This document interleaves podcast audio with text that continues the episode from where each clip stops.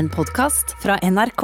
Morten Jentoft er journalist og forfatter, og er kjent som NRKs russlandskorrespondent i to omganger.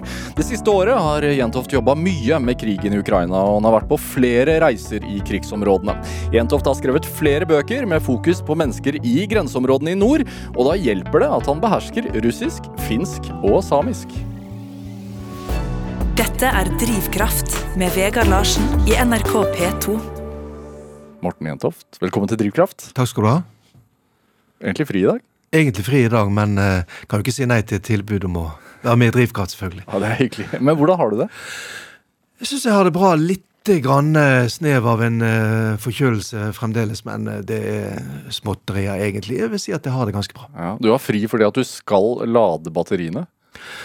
Ja, eh, jeg skal faktisk reise tilbake til Ukraina allerede på fredag, så Derfor er det greit å ha fri et, et par dager, men det er ikke bare drivkraft som kaller. Det er en god del forberedelser til en slik tur, så det blir sånn halvfri, egentlig, dette her. da. Det er jo Altså, når du veit at du skal reise til Ukraina nå på fredag, eh, og vi får nyheter stadig om eh, missilangrep, eh, fremdeles voldsomme krigshandlinger Hvordan forbereder man seg?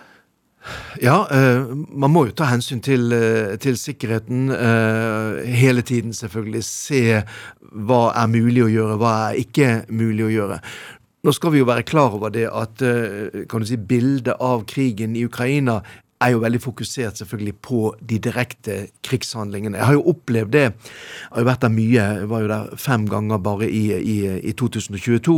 At krigshandlinger foregår ofte på et begrenset område.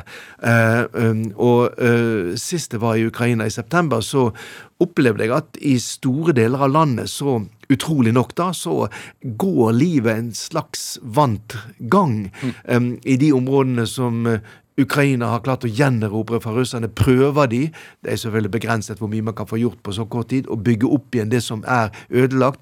I andre deler av landet så er ikke krigen så synlig som den f.eks. var når jeg var der nede i slutten av mars, begynnelsen av eh, april.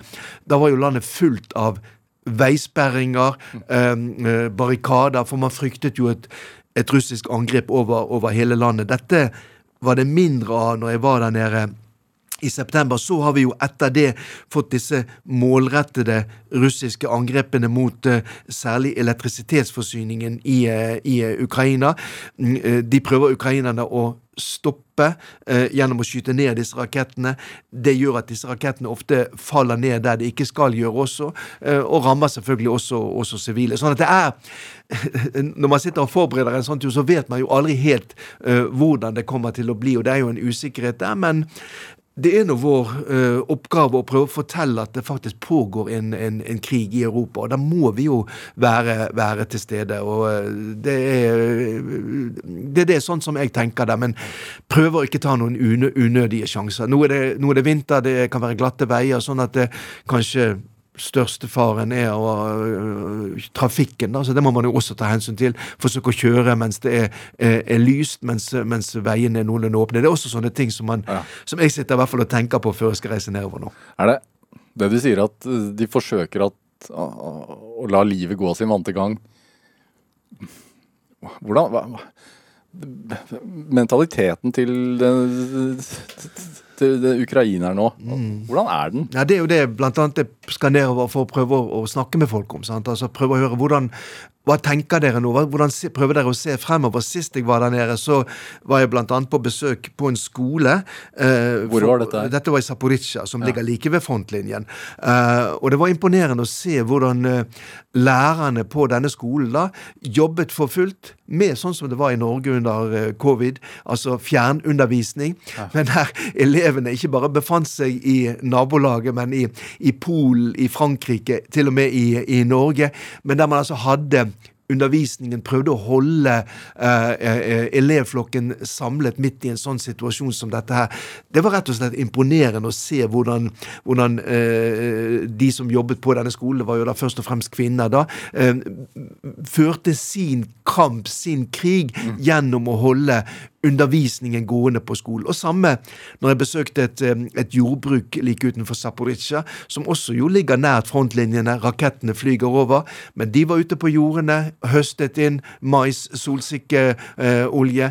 Uh, det sa de, det er vår måte å, å, å, å, føre denne krigen på. Og det er jo noe av det som imponerer meg mest. Altså. Og det er viktig å få fram de bildene av krigen, ikke bare soldatene som ligger og skyter ved krigen, for det, skyter ved fronten, unnskyld. For det er jo da det er, på, det er jo på en måte hjemmefronten som, som, som skal vinne denne krigen. Altså, ja. Soldatene er jo bare deres kan du si, ytre, ytre forsvar. Er, det, er dette særegent for for, for ukrainerne, tenker du? Altså, Nei, altså Du har snakket mye om sånn ukrainsk mentalitet, om og, og, styrke og, og stå-på-vilje. Ja, dette er jo det mest interessante ved hele denne konflikten. Altså, Den russiske presidenten Vladimir Putin han trodde jo at uh, Ukraina ville dette sammen som en kortstokk, at det ikke var noe motstandsvilje i folk. At de egentlig ville bli russere, som Putin har snakket om. da, Mens han egentlig har oppnådd en helt motsatt effekt. altså der uh, nesten alle ukrainere eh, eh, står nå samlet, enten om du snakker russisk eller ukrainsk på hjemmeplan, så står du da samlet eh, for å forsvare deg mot denne, denne invasjonen. Eh, og, og, det eh, er jo det spesielle med denne konflikten. Derfor så er det jo veldig interessant å se at motstandsviljen er noe annet enn bare de som går rundt med gevær ved fronten. Ja. Og, og, det er jo en oppgave for, um, som jeg syns er veldig interessant for oss som journalister å prøve å fortelle. At dette handler om uh, noe mer enn bare våpen. Selv om selvfølgelig alle forstår at uh, hvis ikke Ukraina klarer å forsvare seg ved fronten, så er ikke det mulig for disse lærerne ved denne skolen i Zaporizjzja å fortsette undervisningen sin. Det er vår oppgave å reise dit, sier du. Hvorfor er det, hvorfor er det din oppgave? Ja, det er jo også mange som spørsmål. Må du reise ned dit igjen? Og det, det, eh, det, det, Jeg føler jo at jeg har jo jobbet med Ukraina i 30 år, reist der nede i 30 år og dekket intensivt Ukraina, eh, ikke minst da siden, siden, 2014. For denne krigen den har jo egentlig pågått helt siden 2014. Den bare eskalerte, altså økte, gikk opp på et nytt nivå med det uh, russiske storangrepet 24.2 i, i fjor. Mm. Uh, så jeg føler jo det at, eh, at, det er viktig at eh, vi som har jobbet lenge der, og som kan prøve å trekke noen historiske linjer, for det er veldig mye historie eh, som er viktig når du skal fortelle om denne konflikten her. Hvorfor det? Jo, fordi at uh, Ukraina betyr jo grenselandet. Det har jo ligget i konfliktsonen, sant? Altså, eller i Europa i veldig mange år og vært uh, krigsskuesplasser. Altså i mange, mange hundre år. Vi husker kanskje best første verdenskrig, hvor det var uh, var kamper på ukrainsk territorium, og ikke minst selvfølgelig annen verdenskrig. Det var jo nesten ikke et område i Europa som led så mye som nettopp Ukraina mm. under uh, annen verdenskrig. Uh, og uh, hvor man hadde alt. altså Man hadde kampene mellom nazistene og de sovjetiske styrkene. Man hadde de verste jødeutryddelsene i hele Europa skjedde på der. Og i tillegg til det så har jo også det vært gjort forsøk da fra Uh, I hvert fall mener ukrainerne det, og det jo, er jo dokumentert ganske sterkt i dag, at det har jo vært forsøk på å tvinge ukrainerne inn under Russland tidligere gjennom å bruke sultvåpenet. Mm. Og det er jo det som er skremmende i dag, at vi ser at faktisk Putin den russiske presidenten i dag bruker det samme våpenet som sovjetlederen Josef Stalin brukte, altså rett og slett å prøve å lamme den eh, ukrainske økonomien. Stalin han prøvde å sulte ut bøndene gjennom å tvangsinnkreve eh, korn fra dem, uh, mens Putin altså prøver å fryse dem ut ved å ødelegge infrastruktur, da først og fremst strømnettet da i, i, i, i Ukraina. Hvorfor er landet historisk sett så utsatt? Altså, Ukrainerne kan vel ikke noe for at de ligger der de ligger. Det er, eh, det, det man, det er et godt spørsmål, egentlig. Altså, det, det, ligger jo også i, i skjæringspunktet, altså både etnisk, men også religiøst. sant? Altså det er, Vi har uh, den Østkirken, hvis man skal bruke et sånt generelt uttrykk, altså sant? som med de ortodokse kirkene, for det er jo mange av dem. Dette er jo komplisert, men også en viktig del av historien. Mm. Deres lojalitet, Moskva, Konstantinopel, Istanbul, eh, pavekirken. Altså alt dette møtes i Ukraina, og, og, er med på å skape både spenning og dynamikk og interessante ting, men dessverre, som vi ser da også nå, konflikt, altså. Ja, og godt jordsmonn. Verdens beste matjord. Det er jo helt uh, utrolig. Man blir nesten glad når man kjører gjennom et land i krig og ser at bøndene faktisk dyrker da denne, denne matjorden. Og det er jo viktig for oss. Vi så jo med en gang når eh, Russland og Putin blokkerte de ukrainske havnene, at det påvirket eh, prisene på eh, Kiwi og, og, og, og, Rema 1000 i Norge. Ja. Sånn at dette angår jo også oss, altså. Ikke bare sånn sikkerhetspolitisk, men altså dette er verdens matfat. Ja. Hvor naive har vi vært? Hva tenker du på altså, i forhold til uh, at det ikke skulle bli krig? Ja. ja. Uh, jeg trodde jo heller ikke altså Selv om jeg har prøvd å fortelle norske seere og lyttere i snart ti år at hvis man ikke løser denne konflikten i Donbass, mm. uh, så klarer man ikke å få til noe avspenning i resten av Europa. Så det mener jeg har, har forstått. Jeg forsto jo også at det kom til å bli et, et angrep Hvorfor var det som jo, fordi at det så man helt klare tegn til en opptrapping militært her. Og man så på retorikken, altså ordbruken, ja. eh, fra, fra, Putin og fra de russiske lederne, at her eh, bredde man grunnen for et militært angrep, men at det skulle bli et fullskala angrep der målet var rett og slett å, å, å, fjerne den politiske ledelsen i Ukraina og tvinge Ukraina over til, eh, til Russland. Det hadde jo selv ikke, ikke jeg trodd, altså. Men um, ja, kanskje var vi, var vi naive. Og jeg var jo kanskje også naiv lenge, selv om jeg så jo tegnene klart i den siste perioden jeg var korrespondent i Moskva. En stadig økende militarisering av samfunnet fra barnehage og oppover. Um, stadig innskrenking av de demokratiske rettighetene, pressefriheten, som var igjen i, i Russland. Ja. Vi så de tegnene, og vi dekket jo dette hele tiden, men at det skulle gå så langt, det var det vel selv ikke folk i Russland mange som hadde trodd. da. Dette er Drivkraft med Vegard Larsen i NRK P2. Og I dag er eh, journalist og forfatter Morten Jentoft her hos meg i Drivkraft med NRK P2. Det du nevner at du så uh, at retorikken endret seg i Moskva. Du, du, var jo sist i Moskva fra 2014 til 2018. Mm. Uh, du skrev et reisebrev, korrespondentbrev, i 2015 uh, om det å bo i Moskva med familien. for du var jo der med kone og, og barn. Og, og, du beskrev Starbucks på hjørnet, altså den amerikanske kaffekjeden Starbucks på hjørnet. datteren din kunne ta bussen aleine. det var litt sånn man fikk inntrykk av at Moskva var på vei i vestlig retning på et vis. Mm, det var he helt klart, og jeg var jo korrespondent også på slutten av 90-tallet. Opplevde det kaoset sammen med mange russere som var den gangen under Vestens store helt Boris Jeltsin. Mm. Eh, og har jo sett den enorme utviklingen som har vært særlig i de store byene i Russland. Ja, hvordan var den? Altså sånn Ja, den uh, Ikke bare Starbucks på hjørnet, men altså ting uh, fungerte. Vanlige russere fikk det mye bedre. Ting hvordan var under utvikling. Ja. altså. Det var trygghet, de fikk utbetalt lønnene sine. de hadde en forutsigbarhet i livene sine. Og eh, det hadde de jo ikke på 1990-tallet. Og dette er jo selvfølgelig, dette har vi jo gjentatt gang på gang, dette er jo en hovedgrunn til at veldig, veldig mange russere eh, har vært så fornøyd med Vladimir Putin. Altså, Mange i Vesten har jo lurt på hvordan i all verden kan russere stemme på en Vladimir Putin. Er de manipulert eller ikke? Nei, de er rett og slett ikke manipulert. De tenker selv. Men de tenker selv også hvordan de hadde det på 1990-tallet. Og de materielle tingene, det ser vi jo over hele verden, de er ofte viktigere enn det som vi er opptatt av menneskerettigheter, demokratiske rettigheter. Og det kan være vanskelig for oss å forstå. Vi er jo opptatt av de tingene. Ting skal jo være sånn som hos oss. Jaha. Men um, men eh, den kontrasten opplevde jeg veldig sterkt. Og Moskva, St. Petersburg, var jo i ferd med å bli nesten byer som også eh, Du fortalte meg jo før vi gikk i studio at du selv hadde vært i Moskva i 2014 og sett hvordan det var en, en by som på mange måter lignet på vår, altså med moderne kinoer, eh, restauranter, alt fungerer, du føler deg trygg. Denne kriminaliteten som var et problem på 1990-tallet, var jo nesten helt borte. Mm. Den, den, på en måte gatekriminaliteten. Jeg følte meg tryggere i Moskva enn eh, jeg gikk mange steder i Oslo, eller har gått mange steder i Oslo. Så, så eh, den utviklingen eh, var helt klar og helt tydelig, og gjorde jo at vi som var korrespondenter, også var påvirket av det, selv om vi da så disse tegnene til militarisering, en stadig mer autoritær Putin.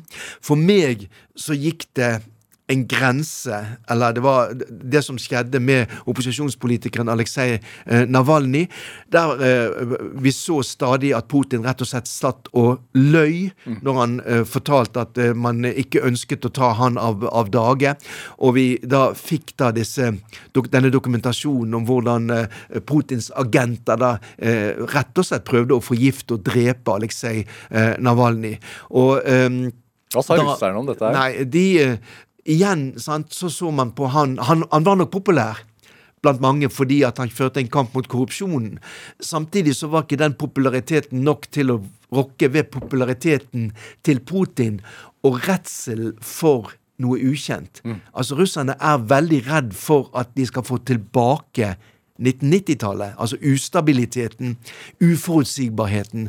Eh, og Putin har jo selv skapt dette bildet at hvis ikke jeg er ved makten, så blir det kaos. Men, og det flyter han lenge på. Så får vi se hvor lenge han flyter på det nå, da. Ja, for hvordan er det nå? Altså, Du har jo venner i, i Russland, antageligvis venner i Moskva også? Så. Ja, øh, jeg aner jo det er jo veldig, Folk er jo veldig forsiktige, øh, dessverre. Og man aner jo en usikkerhet, og mange av de som jeg har hatt kontakt med, har jo dratt også, rett og slett. Ja. Altså, det er jo folk som Hvorfor det? har vært ressurssterke.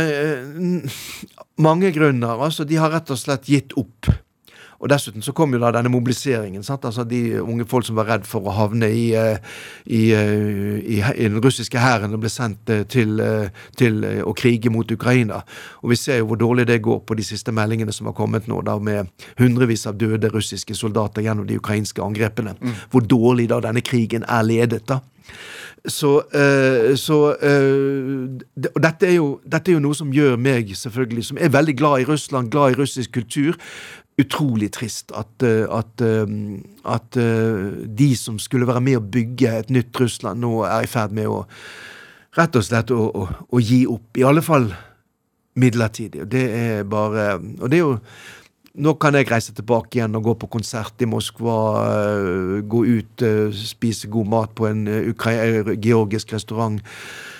Oppleve den den spesielle atmosfæren som også er i, i, i, Moskva, i den russiske hovedstaden, den dynamikken der. Nå kan vi oppleve det igjen. altså det er, Personlig så er det, det er rett og slett en, en tragedie, det som skjer nå. altså. Ja. Er det i det hele tatt? Men det er jo en liten tragedie selvfølgelig i forhold til hvordan ukrainere som blir bombet av Russland, opplever hverdagen. Ja, Men er det i det hele tatt innafor å si at man er glad i Russland i dag? Jeg syns det er veldig viktig. Jeg synes Det er viktigere enn noen gang. altså. Det var jo en sånn tendens etter det russiske angrepet at nå skulle vi boikotte alt russisk. Altså Vi skal ikke spille russisk musikk, vi skal ikke se på russiske filmer, ikke lese russiske bøker. Uh, jeg mener at det er viktigere enn noen gang. altså. Vi må kunne klare å ha to tanker i hodet samtidig. Jeg forstår veldig godt, ikke minst så forstår jeg veldig godt ukrainere, mm. som i den situasjonen som er nå, da ønsker på en måte å slette ut alt som har med Russland å gjøre. Men uh, vi skal vi skal ha et liv etter denne krigen også. Mm. Og da må vi, må vi, ikke bryte alle bånd. Og det er veldig viktig for meg å understreke. Altså. Hvordan er det for deg når du reiser dit uh, og skal rapportere, og uh, du prater jo russisk, mm. uh, ikke ukrainsk? Forstår ganske bra, eller i hvert fall en god del ukrainsk nå. Jeg merker det. Altså, selv om dessverre, det er jo en svakhet. Jeg burde jo ha lært det også, men vi, det er kanskje en målsetting for 2023 å, å bli bedre i ukrainsk. Ja. Blir, blir du møtt med altså blir det tatt greit imot at man prater russisk? Ja da, det går helt uh, greit. Jeg merker nok en liten endring nå, da. Uh, for eksempel denne skolen i, i Zaporizjzja. Zaporizjzja er jo en russisk taleby i Ukraina, stort sett. da. Mm. Men undervisningen på skolen er jo på ukrainsk, og vi snakket jo sammen på russisk på forhånd med lærerne, og sånn, men de ville bare la seg intervjuet på ukrainsk som en markering. Og det kan man jo også selvfølgelig forstå, en politisk uh, markering, altså. Uh, men uh, for eksempel når jeg planlegger en tur nedover nå, så er det ikke noe problem for meg å, å snakke med folk på russisk eller sende meldinger og sånne ting på russisk. Så kan de svare på ukrainsk, det forstår jeg ganske bra etter hvert. og det, det, det viktigste er jo journalistikken, det viktigste er jo det vi formidler. Mm. Uh, men jeg forstår, jeg forstår veldig godt at uh, mange i Ukraina, i den betente situasjonen som er nå, med en fullkrig med Russland, da uh, ser på også russisk språk da som rett og slett en fiende. Hvor Hvor mye sitter du og leser nyheter nå? Ja, ifølge enkelte medlemmer i familien altfor mye, selvfølgelig. Altså, det er klart at du blir, du blir sittende og følge med på uh, uh, nyheter på sosiale medier for å prøve å snappe opp utviklingstrekk, prøve å ligge i forkant av hva som uh, hva som skjer, da. Eh, og det er jo en del av jobben min også å, å gjøre det, men eh, det er ofte, jeg må innrømme det, det er vanskelig å frigjøre seg fra dette når vi har en sånn Dette er jo det mest dramatiske som har skjedd i Europa siden 1945. Sant? Så det, og jeg føler jo også at um, det er viktig at vi som har jobba mye med dette, her kan følge med, kan prøve å analysere det som skjer. Hva betyr dette? Er dette sant? Er det ikke sant? Er dette viktig? Er dette ikke viktig? Hvordan gjør man det? Hvordan skiller man det? Fordi det er jo, det, det er det er jo slett, propaganda fra begge sider. Ja, det er propaganda fra begge sider. og må, er jo, Du kan jo bare bygge på erfaring, på kunnskap. Sant? Hvem er kilden? Hvor skjer dette? Eh, kan vi ta dette på alvor? Hvor viktig er akkurat dette her ja. i forhold til andre, andre begivenheter? Så det er jo da må du jo ofte ta et steg tilbake og prøve å vurdere situasjonen så godt du kan. da, og Ingen av oss er jo, eh, kan du si Vi kan jo aldri være helt sikre, sant? Altså, men eh, der, her, dette handler veldig mye om, om kunnskap, og også om bakkekunnskap. Altså, jeg har jo reist i alle deler av Ukraina rundt omkring, vært veldig mye i konfliktområdet. Ja.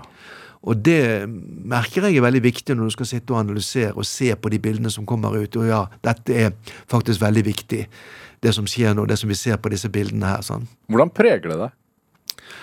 Ja, for eksempel jeg ser jo da, og I starten av krigen det var jo helt forferdelig å sitte her i studio i NRK og se Plutselig så kom det en bombe som traff rett i administrasjonsbygget i Harkiv mens jeg satt i studio og sa at her har jeg jo vært. altså Jeg, ser, jeg kjenner jo den bygningen, jeg vet jo hva som har skjedd her. Uh, nå er det virkelig alvor. Her angriper altså Russland den sivile administrasjonsbygningen i uh, Ukrainas nest største by. altså. Det var, det var jo bilder som var ikke til å tro. Og, og, men nå, senest nå i, i nyttårshelgen og julehelgen, og det, disse bildene som kommer fra, fra denne byen Bachmut, som jo eh, det har vært slåss om i, i hele høst. da. Mm. Det er en by som jeg har besøkt mange ganger. Var der senest i februar i fjor. Da fulgte jeg en eh, en jente som jeg hadde laget en reportasje på, som var veldig opptatt av eh, ukrainsk kultur og folkesanger og sånn. Hun skulle da ha time på konservatoriet i Barmut. Uh, og så ser vi da disse, disse, bildene som uh, en by som jo nå ligger i, uh, i ruiner. Og nå kan det bli mulig for Anastasia å igjen besøke konservatoriet. Hun bor forresten nå bak frontlinjen, altså på russisk okkupert område også. Men heldigvis så har jeg hatt litt kontakt med dem. og familien jobber innenfor helsevesenet, og de, de, sa på forhånd at vi kommer ikke til å forlate. De har en veldig lojalitet overfor mm. befolkningen, at vi må bli her. Er det? det er jo så sterkt å se, altså, og sterkt å høre. Mm. Ja. Det emosjonelle, altså fordi du er jo reporter. Mm. Men du er jo menneske. Jeg er menneske her. Det kommer tett på, og uh, du blir jo sittende også og, og, tenke på hvordan går det med folk. sant? Altså, og jeg har jo uh, vi har jo vært tett på folk eh, i mange år i denne, denne konflikten. Sant? Og i, um, når vi var i, i Kharkiv i slutten av mai, begynnelsen av juni, så bodde vi av sikkerhetsmessige årsaker via noen bekjente hos en familie. Og da kommer du veldig tett på, sant? og de vil jo snakke. Mm. Og det var en familie, mann helt russisktalende, hans kone faktisk fra Russland også, fra Smaljensk, sant. Og øh, vi satt på kvelden der og tok en øl og, og, grillet, og så om natten så hørte vi det smalt liksom i nabolaget og sånne ting. Hvordan og han, han, han drev jo et bakeri og hadde gjort det godt. og Sist jeg hørte fra han, så var, og han var en mann på nærmere 50 år, nå har han også gått inn i den ukrainske hæren. Mm. Han trengte ikke å gjøre det, eh, men han gjorde det likevel. Og, og, da forstår du hvordan denne konflikten da på en måte polariserer, altså gjør at alle i Ukraina, uansett hvilket språk du snakker hjemme, da, nå mobiliserer seg selv også da i denne kampen. Men det er jo det er jo noe av det aller sterkeste jeg har opplevd i, gjennom disse reisene i Ukraina. Det, ok, du har de menneskelige tingene, men det at noe sånt skjer i Europa i 2022 mm. Altså, jeg var jo i Butsja som en av de aller første eh, journalistene, og vi kom ut dit, og du har hørt et navn, Butsja, og så kommer du ut dit, og så ser du altså en forstad som Altså, det kunne være Bekkestua, det kunne være Lørenskog, sant? Uh, som ligger i ruiner. Altså, kunstgressmattene har en granat som står ned midt i seg. Barnehagene er, uh, er ødelagt. Moderne boligblokker, villaer, mm. er nærmest jevnet med jorden. Selvfølgelig er det forferdelig å se disse døde menneskene som har dødd der. Og det er jo mange. Det er jo en tragedie, selvfølgelig, det i seg selv. Men det bildet av at noe sånt kan skje, og, uh, og, og, det at man i Russland ikke tror på at noe sånt kan skje heller. Mm. Forteller at dette nei, dette var uh, Og de døde menneskene, det var skuespillere som lå i gaten. Jeg kan fortelle at det var ikke skuespillere som lå der, for jeg var der. Jeg så dem. Mm. Jeg så de menneskene selv. Det var ikke skuespillere. Er det Du har en lang karriere som journalist og vært mye ute. Er det Er det det tyngste, men også det viktigste du, du, du, har gjort det siste året? Ja, det er det jo. Man må jo kunne si det. Altså, Jeg har jo hatt mange ting som jeg har jobbet med opp gjennom eh, historien, som, eller opp gjennom min karriere, som har vært veldig interessante og viktige. Men eh, det er nok ingenting som eh, kommer opp mot det som skjer akkurat nå, altså. Det, det, det er det ikke. Altså, Hvordan var det for deg å feire vanlig norsk jul, da?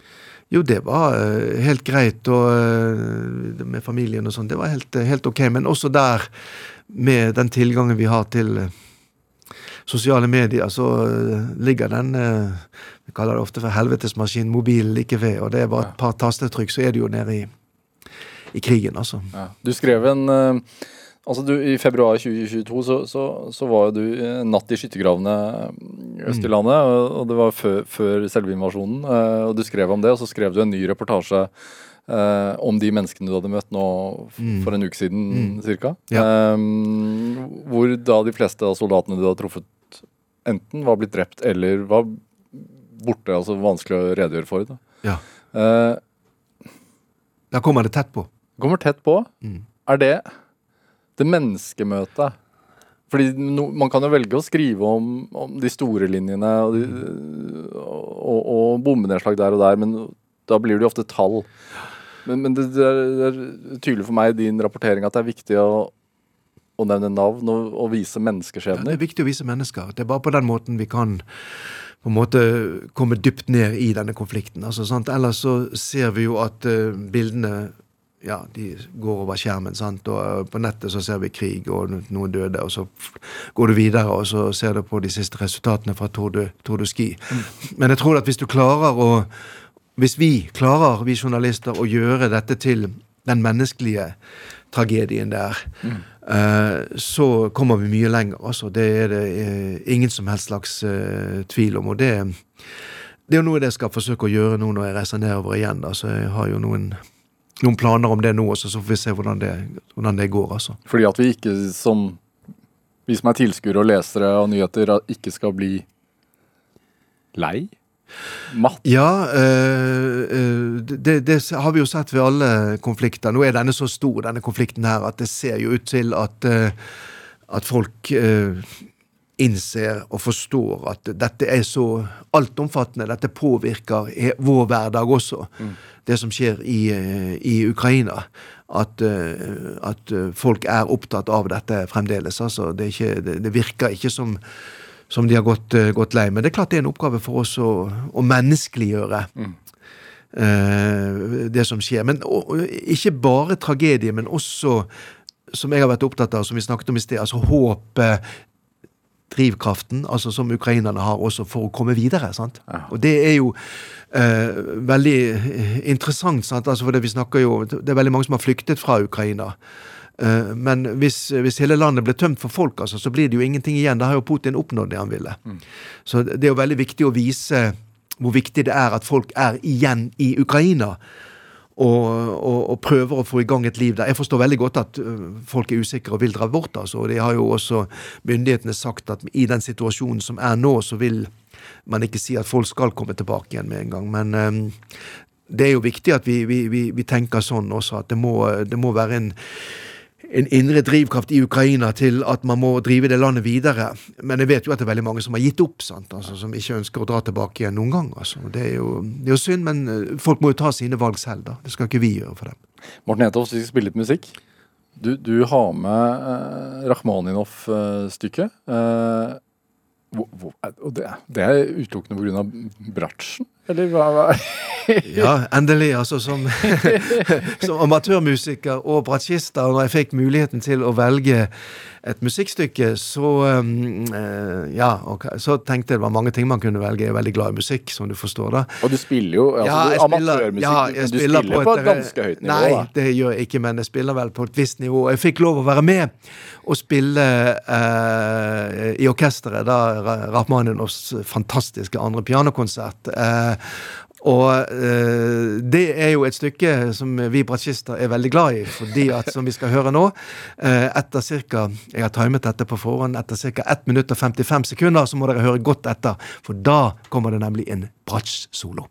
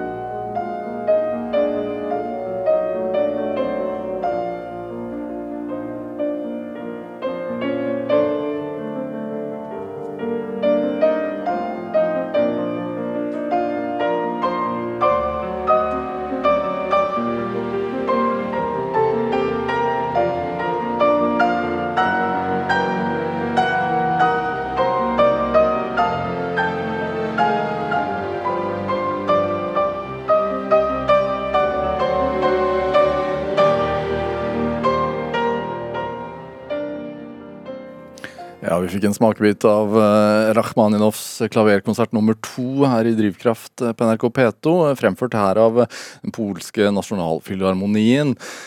Et... Og solist Svjatoslav Richter ja. fra Ukraina. Ja, og her hørte vi vår stemme fra Moskva. Morten Jentoft, som er dagens gjest her i Drivkraft. Er jo litt politisk dette stykket nå, da, med, ja, med russ, russisk komponist, polsk øh, Dirigent. dirigent ja. Og så da en, eh, en pianist fra Ukraina med litt tysk bakgrunn, faktisk, også Richter, da, ja. som faktisk til og med var homofil, altså, eh, i Sovjetunionen. Så her er det mye politikk da i den, eh, kan du si, eh, homofobitiden som nå er i Russland, der alt som snart smaker av kan du si homofili, da blir nærmest utradert fra hele samfunnet. Ja.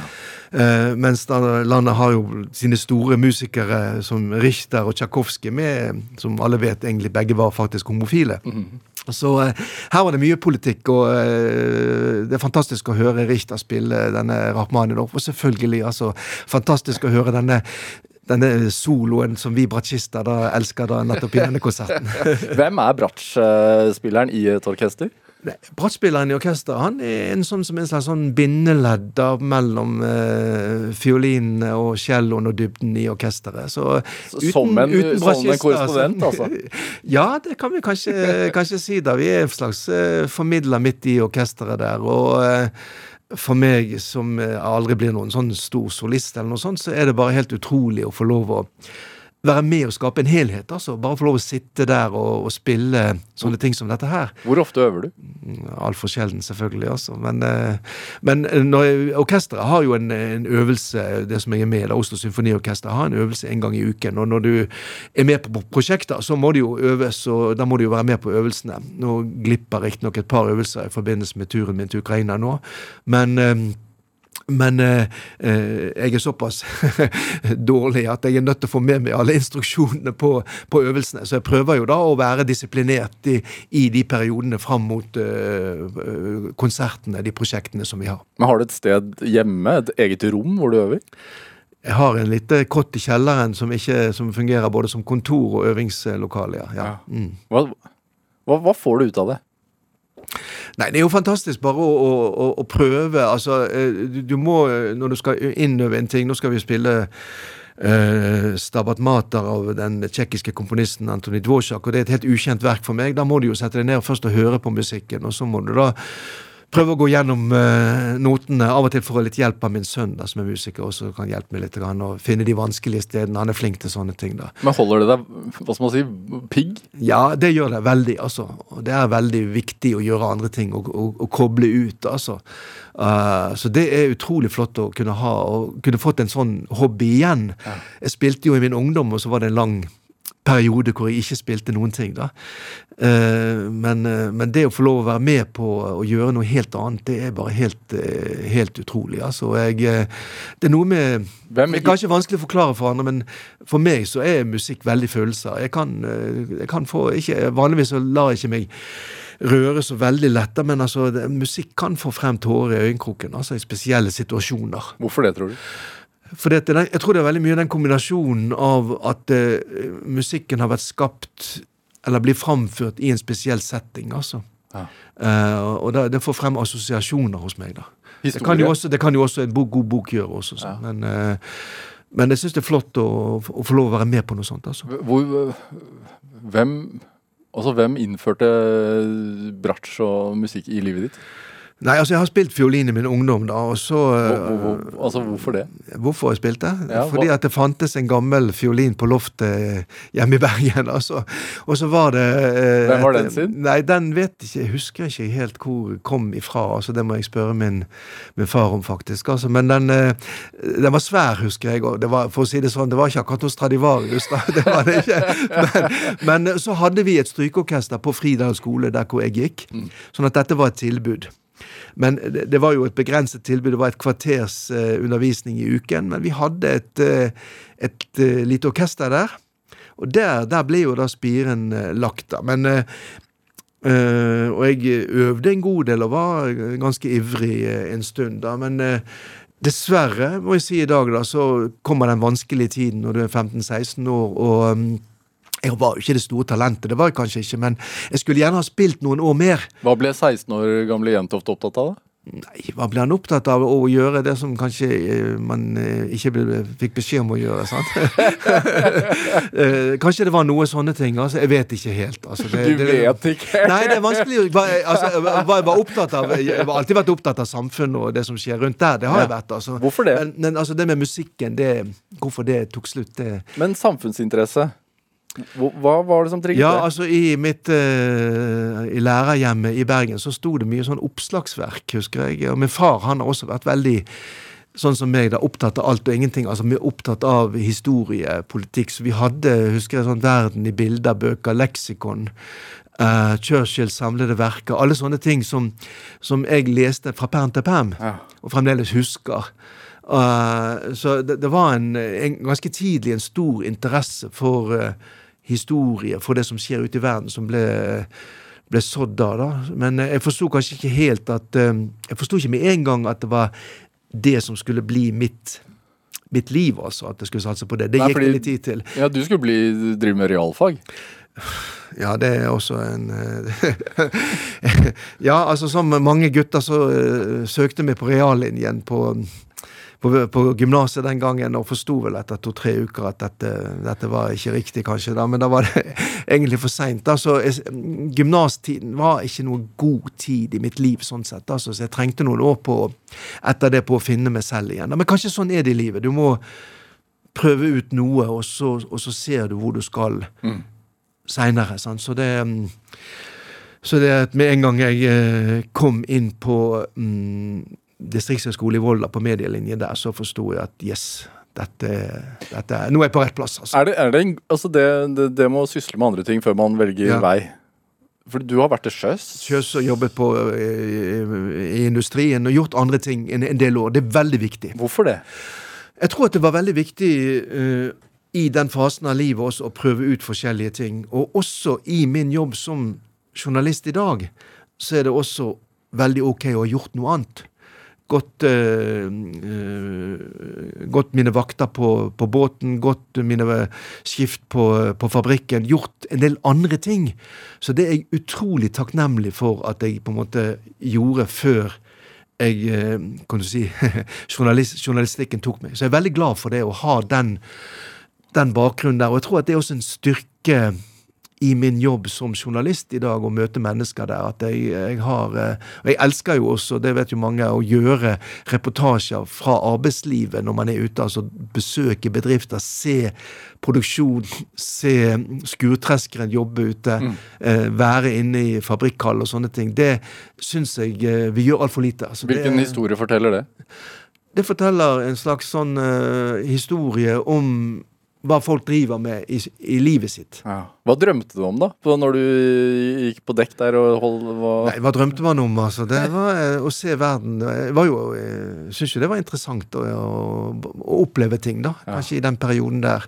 Men i, i motsetning til mange eh, som reiser eh, hva skal man si, eh, sørover, eh, eller til, eh, til eh, Storbritannia eller til USA, så, så har du eh, reist nord i landet. Mm. Hvor hva, hva var det som Ja, Var det en tidlig interesse? Ja, eller? det var tidlig interesse, egentlig. Min bestefar har sin bakgrunn fra Lofoten. Og Jentoft-navnet er jo veldig sånn forbundet med Nord-Norge. Og han ø, jobbet jo veldig mange år i Vesterålske Dampskipsselskap, som det het den gangen, som senere ble en del av øh, de som drev Hurtigruten, men som hadde sin basis da i lokaltrafikk i uh, Vesterålen, Lofoten, i Nord-Norge. Ja. Og jeg var mye med han i uh, min, min barndom. Han fortalte mye historier. Vi gikk Hva het han? langs Han, uh, han het eh, Mogens Jentoft.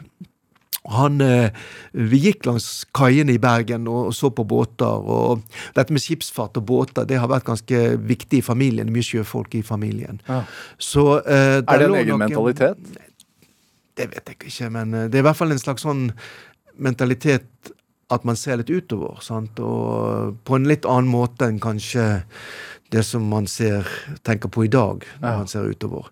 Men, men, men der lå nok, der ble nok kimen til en interesse for Nord-Norge sådd. Og så når jeg gikk i på medielinjen i Volda, og vi skulle ut i praksis, da, så søkte jeg meg ikke bare nordover, men jeg søkte meg så langt nord og øst som jeg kunne komme, nemlig til Vadsø i Finnmark. Ja.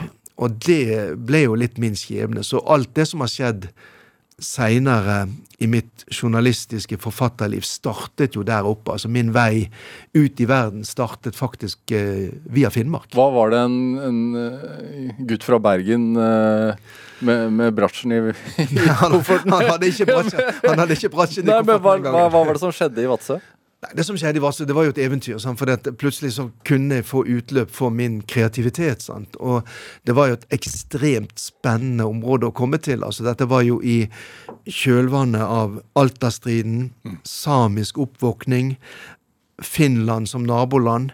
Altså, det var veldig mye som skjedde der oppe. Pluss at jeg øh, så jo også at her var det mange ting i historien som var interessant, og som ikke var ferdig fortalt. Eh, og eh, ganske raskt så begynte jeg å jobbe med, eh, med, med, denne veldig interessante historien, vår nære historie oppe i dette grenselandet. Og det ble jo nærmest en besettelse for meg. Altså. Ble du overrasket over hvor lite du kunne? Ja, jeg tenkte ikke mye på hvor lite jeg kunne, men jeg bare tenkte på hvor interessant dette var å fortelle. Ja. Altså, og det var en enorm, eh, et enormt behov der for å fortelle, og jeg begynte å lage radioprogrammer, dokumentarprogrammer om dette her. Etter hvert så begynte jeg å lage fjernsyn, og eh, etter hvert som språkkunnskapene også kom på plass, så eh, ble det jo muligheter for å skrive ned bøker om disse tingene her. Hvor også, viktig var det? Altså fordi du behersker jo både finsk, men også samisk. Ja, eh, du kan si at det ble jo eh, Dette ble jo en en, også en slags besettelse, da, sant? mens når man kom opp dit at eh, etter Alta-striden, den samiske oppvåkningen, så eh, på en måte fikk jeg utløp for det som jeg ikke fikk utløp for på reallinjen på gymnaset. altså igjen eh, begynte jeg da å eh, studere språk, rett og slett. Altså, og det med samisk det var jo veldig artig, for NRK satte jo i gang et, et kurs, Davin-kurset på radioen, og jeg begynte å følge det. Og så eh, ble det bare en sånn ok, en greie, rett og slett.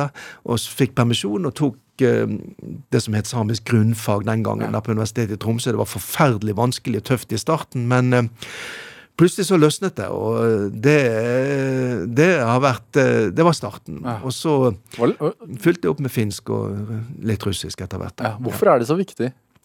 Språk er utrolig viktig. altså Det, er, eh, det ser vi jo nå i, i, konflikten i Ukraina også. da.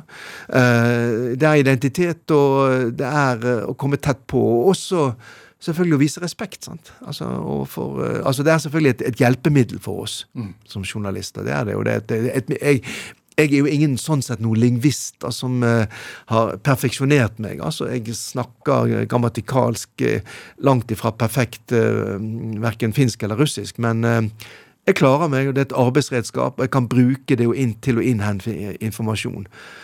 Så driter jeg i om jeg gjør noe feil her og der. Det er ikke det viktigste. Det viktigste er at du prøver, sant? og at du kan skape en direkte kontakt med folk, altså.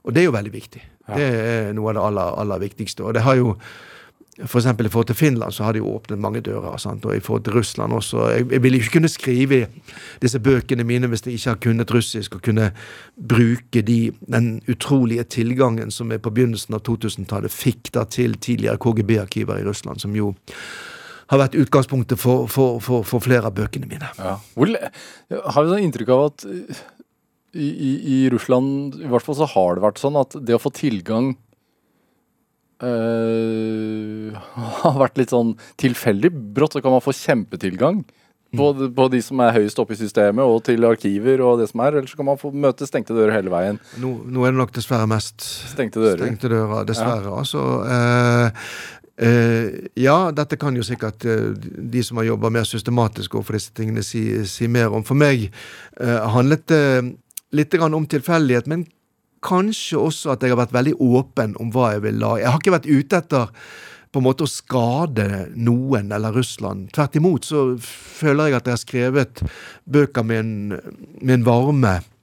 Selv om det er tragiske historier, f.eks. om det som skjedde med disse coladommene, ja. som jeg jo har jobba veldig mye med, de norske utvandrerne til Russland, og, og det som skjedde på 1930-tallet, hvor veldig mange av dem også ble ble skutt og, uh, av i forbindelse med den store terroren den gangen. Uh, og uh, heldigvis så har jeg jo også fått utgitt bøkene mine, disse bøkene på russisk, sånn at alle har kunnet lese at her er ikke det en som er ute etter å, å skade oss. Tvert imot så er det en som er ute etter å fortelle sannheten og prøve å, at hva vi kan lære av det og se fremover. Ja. Og Jeg har vært helt åpen om det også. Jeg har vært mye og snakket om disse tingene også i Russland. Og det tror jeg har vært uh, veldig positivt. altså. Så jeg har ikke følt at jeg har brent noen broer. Tvert imot, altså. der.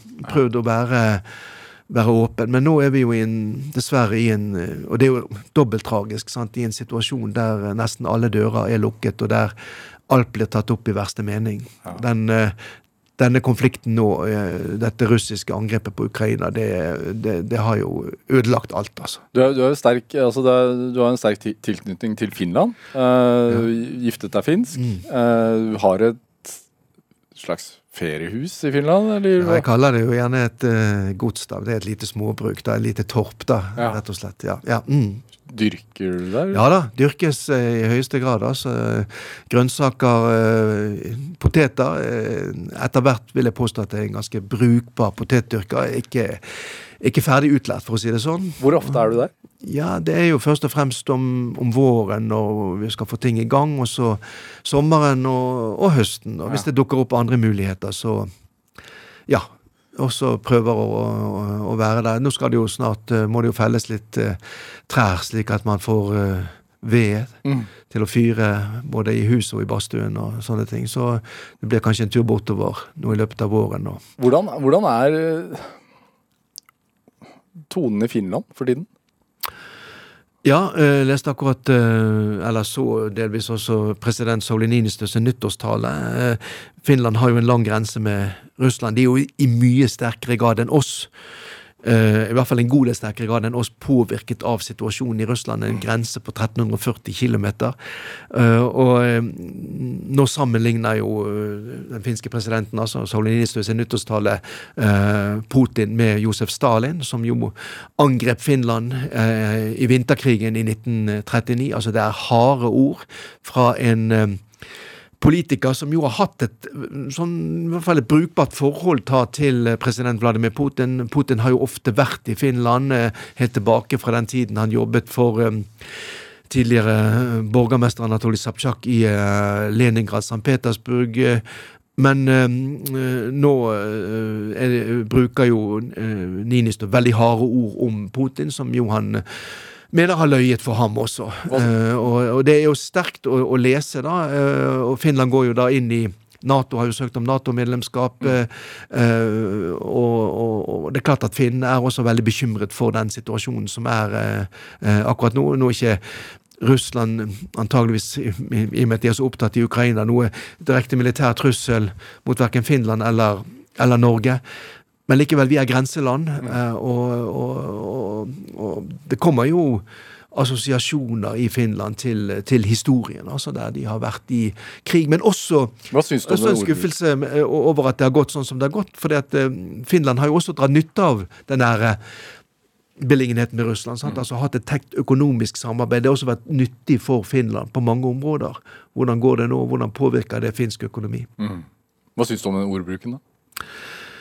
Den er jo forståelig. Eh, selvfølgelig er den det, altså. Eh, og jeg tror at det er litt sånn personlig for finske presidenten, da, som har investert ganske mye i et slags tillitsforhold til Putin, da, som eh, Putin har brutt da, gjennom rett og slett å lyge og si at vi kommer ikke til å angripe Ukraina, men det gjør vi likevel. Tror du at, tror du at krigen som er nå, påvirker vårt forhold til Finland?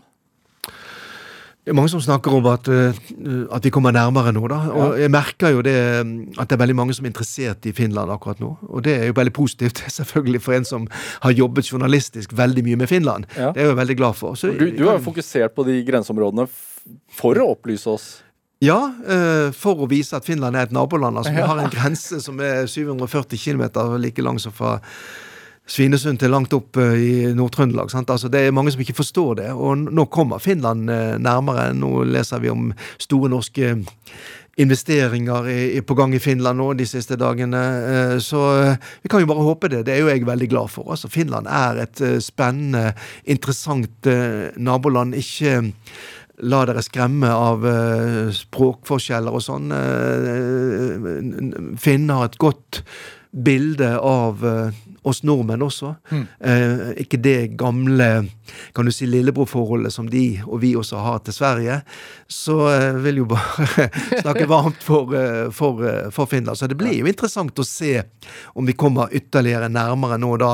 Eh, om den sikkerhetspolitiske kan du si, mm, tilnærmingen også har noe å si for eh, folk-til-folk-samarbeidet, de økonomiske relasjonene, de kulturelle. Hvorfor trives du så godt der, da? Hvorfor trives jeg så godt? Det er, det, det er, nok det litt eksotiske samtidig som det er nært. Altså. Det er eh, Hva er altså, eksotisk? Det er håndterbart. Ja, det er jo selvfølgelig språket og historien. Det er jo en veldig interessant, dramatisk historie. Som, og, no, og, for meg som har investert mye i å lære meg å jobbe med den historien, skrevet bøker, laget dokumentarprogrammer om borgerkrigen, vinterkrigen, eh, kaldekrigen. Mm så er det jo veldig interessant selvfølgelig å, å være i et sånt land. Uh, så, så Nei, jeg vil, jeg vil, bare snakke varmt for, for, Finland. Det er nærmt, men samtidig litt forskjellig, sånn at uh, det kan være interessant og litt pirrende. Hva tror du om uh, utsiktene i 2023? Nei, Det er veldig vanskelig å si. Jeg ser jo alle spekulerer i når tar denne krigen slutt. Krigen kommer til å fortsette jeg har hele tiden trodd at det kommer til å skje et eller annet overraskende. På et eller annet tidspunkt. Og det må jo skje i Russland. Det må skje i Russland på en eller annen måte. Mm. Men uh, om det blir positivt eller negativt, det vet vi ikke. Nei, jeg tror vi skal bare vente og se. Vanskelig å spå her. Morten Jentoft, hva er drivkraften din? Nysgjerrighet, først og fremst. da, Men også en uh, glede av å være sammen med mennesker, møte nye mennesker, lære noe nytt. Tusen takk for at du kom hit til Drivkraft. og God tur, holdt jeg på å si. Sier man egentlig? Ja, jeg tar gjerne med meg det, altså. Fra Drivkraft. Takk for det. Hør flere samtaler i Drivkraft på nrk.no, eller i appen NRK Radio. Send oss eh, gjerne ris eller ros og tips til mennesker som du mener har drivkraft. Send den e-posten til drivkraft.krøllalfa.nrk.no. Vi hører veldig gjerne fra deg. Produsent i dag det var Kjartan Aarsand, mens Camilla Bolling-Muir bidro med research til denne sendingen. Dette var Drivkraft. Jeg heter Vega Larsen. Vi høres. Du har hørt en podkast fra NRK. Hør flere podkaster og din NRK-kanal i appen NRK Radio. Hei! Jeg heter Gry Veiby. Har du opplevd at folk snakker om en nyhetssak som du ikke helt har fått med deg, eller vil vite mer om? Da syns jeg at du skal høre på podkasten Oppdatert. Vi forteller deg det du trenger å vite, rett og slett en snarvei til peiling. Alle episodene av denne podkasten, inkludert den aller nyeste, finner du kun i appen NRK Radio.